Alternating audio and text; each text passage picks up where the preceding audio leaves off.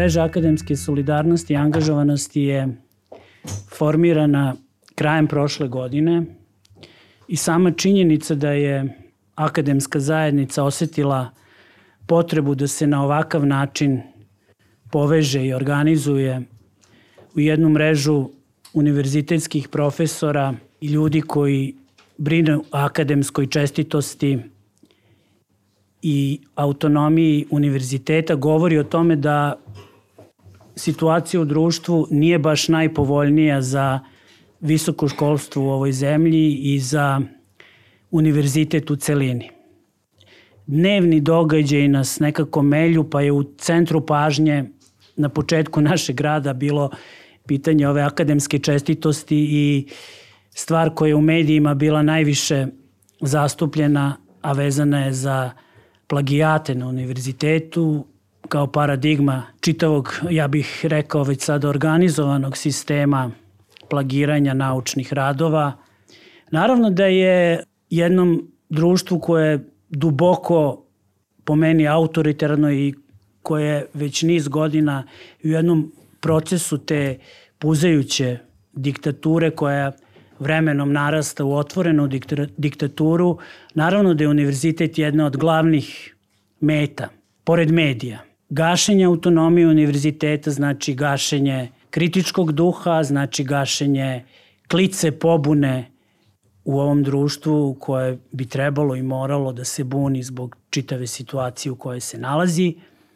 I ja mislim da je zbog toga jako dragoceno da mi na površinu baš izvučemo ovakve slučajeve o kojima naša javnost vrlo malo zna. Konkretno, ciljano smo i namerno zapravo uh, prvu konferenciju mase posvetili situaciji u institutima univerziteta koje uh, je oformio i osnovao Beogradski univerzitet, o tom pokušaju države da na dosta perfidan način ukine autonomiju univerziteta u tim ustanovama, a nama u masi se čini da bi to mogao, kao što je kroz veoma blisku istoriju već pokazano, jeli, 90. godina, biti pokušaj ukidanja univerzitet, autonomije univerziteta u celini. Znate šta se 90. godina dešavalo sa famoznim Šešeljevim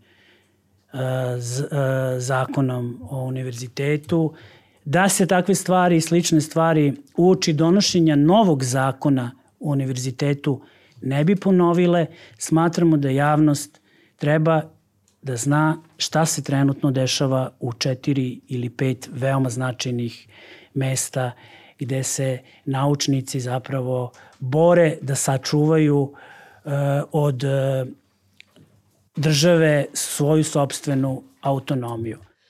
Vi ste verovatno imali priliku da u proteklih nekoliko meseci pratite priče nekoliko instituta, od koji je svakako Institut za nuklearne nauke Vinče bio najviše zastupljen u medijima i problem koji je postojao sa direktorkom i sa korumpiranim radnjama u Vinči je zauzimao i naslovne strane naših medija. Ti problemi potiču najpre od toga što Ministarstvo nauke, odnosno prosvete nauke i tehnološkog razvoja e, ima mogućnost da u potpunosti kontroliše upravne odbore naučnih instituta. Kad kažem kontroliše, to znači da u ovom momentu prema zakonu, novom usvojenom, ali ta odredba potiče od ranije, vlada imenuje četiri člana upravnog odbora, dok iz instituta, odnosno iz same naučne zajednice, dolaze tri člana iz redova zaposlenih. To znači da upravni odbor, odnosno u ovom slučaju e, ministarstvo, može da kontroliše plan i program, može da kontroliše postavljanje direktora i može da kontroliše bukvalno sve aktivnosti instituta e, koje se odvijaju u okviru naučne zajednice.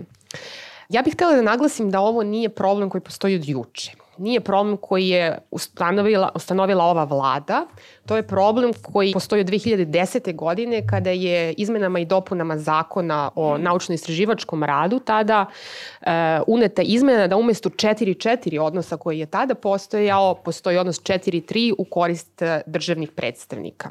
Time je praktično ukinuta autonomija naučnih instituta.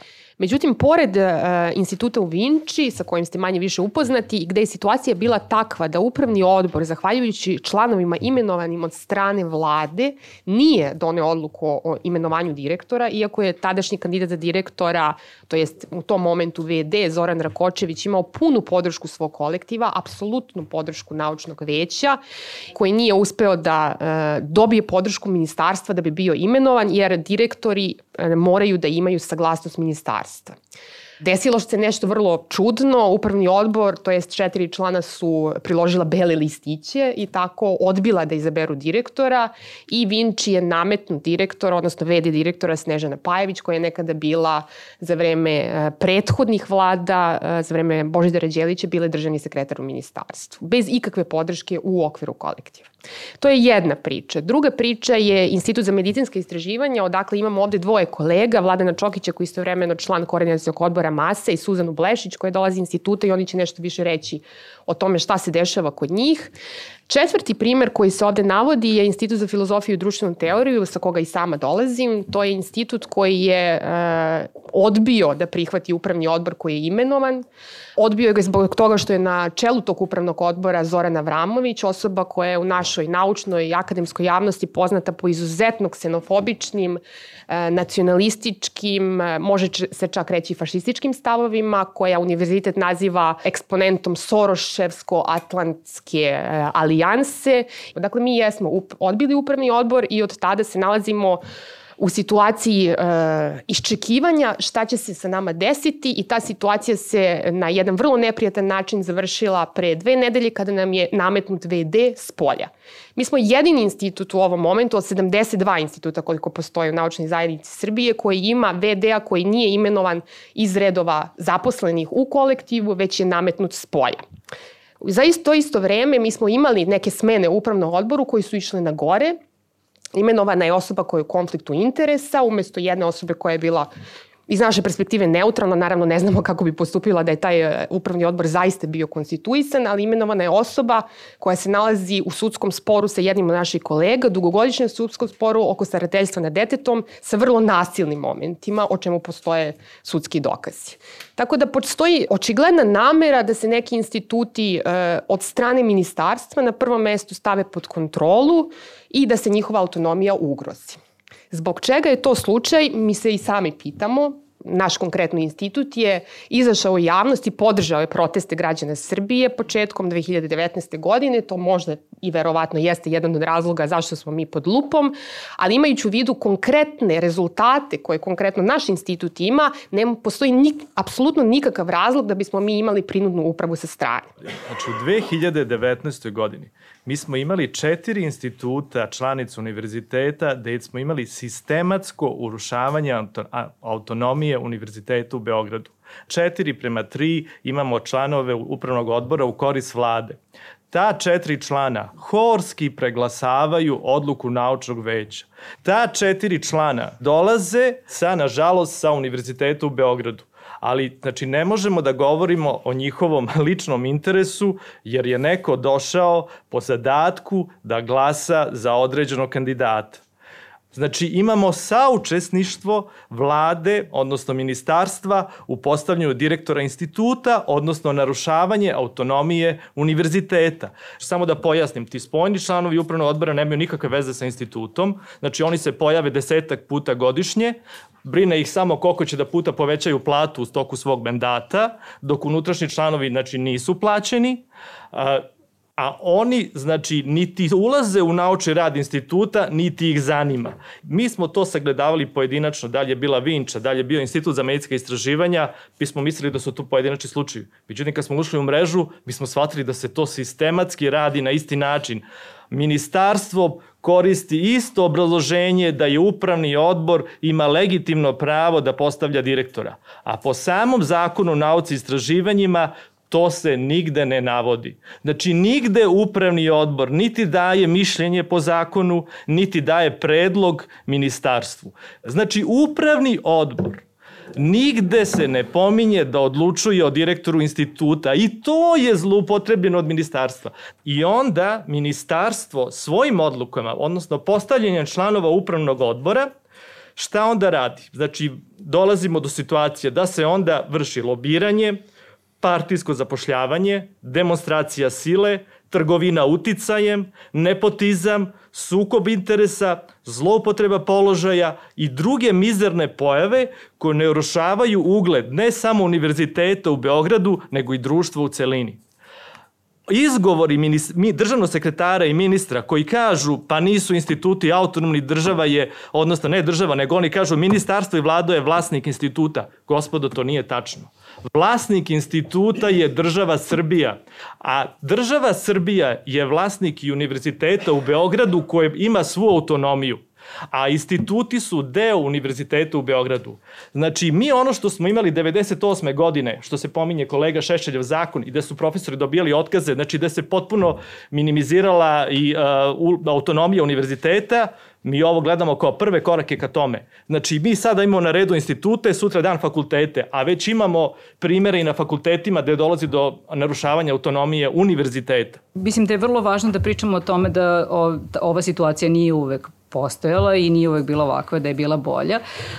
Zakoni o nauci tako da kažem, u demokratskom periodu postoje od 2001. godine, znači prvi je napisan 2001. godine i u njemu je, čini mi se, članstvo u upravnim odborima bilo 3 prema 3, znači tri člana je predlagala vlada, a tri člana je predlagao institut. I onda sledeći zakon je napisan 2005. godine, zvao se Zakon o naučnoj istraživačkoj delatnosti, u stvari sadašnji zakon je na neki način naslednik tog zakona i 2005. godine u tom zakonu je pisalo da uh, upravne odbore čini osmoro ljudi, od kojih četiri postavlja vlada, a uh, četiri predlaže institut. I onda se u stvari 2010. godine u vreme vlade Mirka Cvetkovića, kada je naš resorni ministar za nauku bio Božidar Đelić, je donešen u martu 2010. znači skoro pre tačno 10 godina, zakon o izmenama i dopunama tog originalnog zakona iz 2005. godine, kada je uneta ta promena koja važi još i danas, promenjen je taj član zakona i napisano je da upravne odbore čini sedmoro ljudi, od kojih četvora su predstavnici vlade i troje su predstavnici instituta. I u tom trenutku je u stvari u potpunosti ukinuta autonomija instituta. Ja mislim da je jako važno da kažemo da je ukinuta u tom trenutku autonomija svih instituta u Srbiji, ne samo onih koji su članovi i članice Univerziteta u Beogradu, nego svih instituta koje postoje. Zato što u nadležnosti upravnog odbora se osim te nesrećne stavke koje se čak i pogrešno tumači o izboru direktora, nalaze u stvari sve što je važno za funkcionisanje instituta. Znači, upravni odbor donosi svakog instituta, donosi odluke o strateškom, o administrativnom, o finansijskom poslovanju i to isto je jako važno, finansijskom poslovanju instituta. I 2010. godine u stvari su sve te ingerencije sa samih instituta prenešene na tadašnju vlast i na sve buduće, pošto nijedna do sada nije promenila taj član zakona ja bih zato ponovo pozvala na to da o tome razmišljamo kao ukidanju autonomije nauke u Srbiji uh, i mislim u svetu postoji čak i, i termin o tome da je to neka vrsta, to se zove war on science ili otvaranja rata prema nauci, kada vi u stvari pokušavate da kontrolišete način na koji se uh, nauka sprovodi u jednoj zemlji uh, i da je usmeravate prema uh, kako bih ja rekla, politički podobnim um, temama ili uh, uh, idejama. To je prva stvar. Druga stvar, Vladin je već rekao, začudna je stvar da uh, u svim ovim našim institutima gde je došlo do te nasilne promene u direktora su svi spoljni članovi, znači svih četvora spoljnih članova naših upravnih odbora su uvek glasali na isti način, potpuno dirigovano. E sad, važno je da znamo da oni po zakonu, tako je upisano u zakonu, nisu neki državni nameštenici i uglavnom, osim u Institutu za filozofiju gde je sad rečeno, u stvari nisu jasno ni, partijski, ni partijski kadrovi nego su oni e, istraživači u naučnim zvanjima ili, uh, uh, ili nastavnici u nastavnim zvanjima i čak u, u institutima od nacionalnih značaja kao što je naš, oni moraju da budu redovni profesori ili naučni savjetnici, znači moraju da budu u najvišim zvanjima, moraju da budu kompetentni za oblast kojom se institut bavi. Dakle, oni su članici i članovi univerzitetske zajednice, oni su u stvari naše kolege. I kao naše kolege, oni, osim što takvim glasanjem, uh, sad smo pričali o tome, su kršili zakon i kršili su ustav, što je već šokantno samo po sebi, oni su u stvari kršili i kodeks profesionalne etike Univerziteta u Beogradu. Ja mislim da je važno da o tome pričamo i da to kažemo. Suzana Milutinović je jedna od devet žena iz Visoke medicinske škole. Slažem se sa vama da univerzitet treba da ima autonomiju, ali šta onda raditi sa direktorom koji sprovodi svoju samovolju? Jer mi smo na kraju ostale bez posla upravo zato što je direktor dao sebi za pravo da može da radi šta hoće, da dovede kadar koji hoće, bez raspisanih konkursa. Pritom, ministar se uporno brani autonomijom škole i da on ne može tu ništa da uradi. To što vi kažete za visoku školu je isti slučaj koji se dešava u institutima. Direktori koji e, dolaze sa strane, a imaju ogromna ovlašćenja, mogu da rade bilo šta, praktično sa ovom konkretnom postavom ministarstva je jako teško postići bilo kakav dogovor. Znači vi imate slušanja, oni vas vrlo pažljivo slušaju. E, državni sekretar je bio u našem institutu prošle srede, tri sata smo proveli e, razgovarajući, pričajući bukvalno paralelno. Znači, vi imate situaciju da ne možete da onima koji treba da donesu odluku objasnite u čemu je problem i zašto je to problem. Nas optužuju za anarhiju zbog toga što insistiramo na akademskoj autonomiji. I ovo što je vlada naveo malo pre kako je država vlasnik, nama država nije vlasnik, nama je država osnivač. Što znači da država, odnosno ministarstvo u ovom slučaju, administrira pare građana – ne svoje pare iz nekih svojih džepova, iako one odlaze u te džepove, već administrira pare građana u javnom interesu. Da bi nauka napredovala u Srbiji, to bi trebalo da bude u interesu ove države, odnosno u interesu celog društva. Da bi se to desilo, mi moramo da uredimo naš naučni sistem kao i generalno akademski sistem na vrlo jasnim, transparentnim osnovama, gde se zna zašto je neko izabran na neko mesto, gde se zna šta ko radi, a to u ovom momentu nemamo. Imate situaciju, imate dva fakulteta fakulteta u okviru Beogradskog univerziteta koji se suočavaju sa vrlo problematičnim radnjama. Imate filološki fakultet, imate bogoslovski fakultet, gde ne možete da rešite stvari koji su vrlo očigledno protiv zakona. Na vrlo jasan način, protiv statuta univerziteta, protiv zakona. Vi u ovom momentu prosto se ide na odnos moći. Oni imaju moć da to nametnu i to rade. Naša je ovde da se udružimo, da budemo solidarni, zbog toga smo i osnovani, da bismo tome stali na kraj. Evo da dodam samo na koleginice. Znači, direktori imaju apsolutnu moć koja im je sada data po znači, prestanku projektnog perioda. Znači, mi više ne raspolažemo, naučnici koji se bave ili koji su bili rukovodioci projekata, sada je dato direktorima sva sredstva, počevši od ove 2020. godine. Znači, direktor potpuno finansijski kontroliše, a članovi upravnog odbora koji treba da budu kontrolori rada direktora, oni samo rade u njegovoj funkciji. Znači, jedni drugime povećavaju plate. 20% plate direktora ili 15-20% povećavaju povećanje članova upravnog odbora. I to je njihova jedina materijalna korist. Nema koristi za institute ili za bilo koje naučne um, ustanove u Srbiji. Dobar dan, Dragana Jokić Stamenković, Dnevni list politika. Sad postavlja se ovde jedno onako pitanje. 2010. su bile izmene i dopune zakona kojima, kažete, ukinuta autonomija.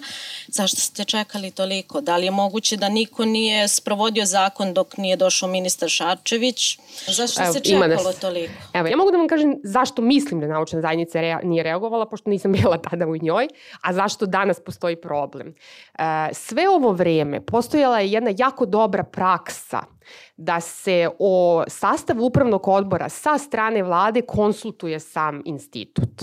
Što znači da praktično nikad se do sada nije desilo, čak ni u prethodnoj vladi koju je vodio Aleksandar Vučić se nije desilo i bio je tada ministar Verbić aktualan, se nije desilo da instituti imaju nametnute upravne odbore, odnosno da imaju upravne odbore koji su potpuno, kako su kolege navodile, dirigovane. To barem nije bio slučaj u društvenim institutima. Svi su oni konsultovani po pitanju toga ko će da bude u upravnim odborima. Zašto? Zato što je pojenta upravnih odbora da omogući nesmetan rad instituta i njegovog plana i programa koji se odvija. Što znači da vi treba da imate upravni odbor koji će prvo razumeti profil instituta, razumeti čime se on bavi, bavi i moći da ga podrži u tome jer on odobrava plan i program rada i odobrava financije za to. I u tom smislu postojala je dobar praksa i postojala je neka vrsta, ja bih rekla, poverenja između ministarstva na jednom mestu i naučne zajednice na drugom mestu. Ovo je slučaj, evo sad mi koleginica suflira da, je to, da je, su postojali problemi ranije, ali što se nas tiče, ovo je prvi put da mi imamo brutalno nametnut upravni odbor Ovo je prvi put da smo mi u službenom glasniku videli informaciju o imenovanju upravnog odbora koji je za nas zaista najpre zbog predsednika upravnog odbora apsolutno neprihvatljiv. I ta poruka, kada vi vidite da je vama imenovan kao predsednik upravnog odbora Zorana Vramović, koji je by the way, predavao na Megatrendu, koji je pisao knjigu o rodoljubcima, rodomrscima, koji izjavljuje, ima jako problematične antidemokratske stavove koje je objavljivao u javnosti, u politici između ostalog je pisao. A imate profil i gradite, evo, godinama gradite profil instituta koji ima izuzetno bogatu međunarodnu saradnju, koji se bavi teorijom demokratije, koji se bavi teorijom angažmana, koji se bavi srpsko-albanskim odnosima na način da pokušava da promeni narative u ovoj sredini o večnom neprijateljstvu Srba i Albanaca. A on vrlo direktno i suprotno govori o tome, vi ništa drugo ne možete možete da zaključite već da ste vi, da je vama na neki način to nametnuto da bi se vaše aktivnosti sprečile i kontrolisale. Samo bi još jednu stvar rekao, pošto su rekli da od 2010. je taj problem, a što, znači, kod nas na institutu članovi upravnog odbora spoljni do 2014. godine nisu dobijali platu i nisu bili plaćeni. Od 2014. kad su došli novi, prvo što su tražili, tražili su platu. I kasnije se vremenom povećavala do dana današnjeg. Mi uopšte ne znamo kako vlada po kojem ključu bira članove, spojne članove upravnog odbora. Ne postoji u zakonu. Svatate, nema pravilnik, mi ne znamo kako oni njih biraju. Ali opet su, nažalost, to članovi naši znači, univerziteta koje mi na sednici upravnog odbora predočimo stvari i kažemo sve to i ispriča i oni bez ikakvih horski znači, glasaju protiv znači odluke naučnog veća. Ja sam se na toj sednici naučnog veća, gde sam isto bio član upravnog odbora, unutrašnji, zahvalio na nameštenom glasanju spojenim članovima upravnog odbora. I oni na to ništa nisu rekli.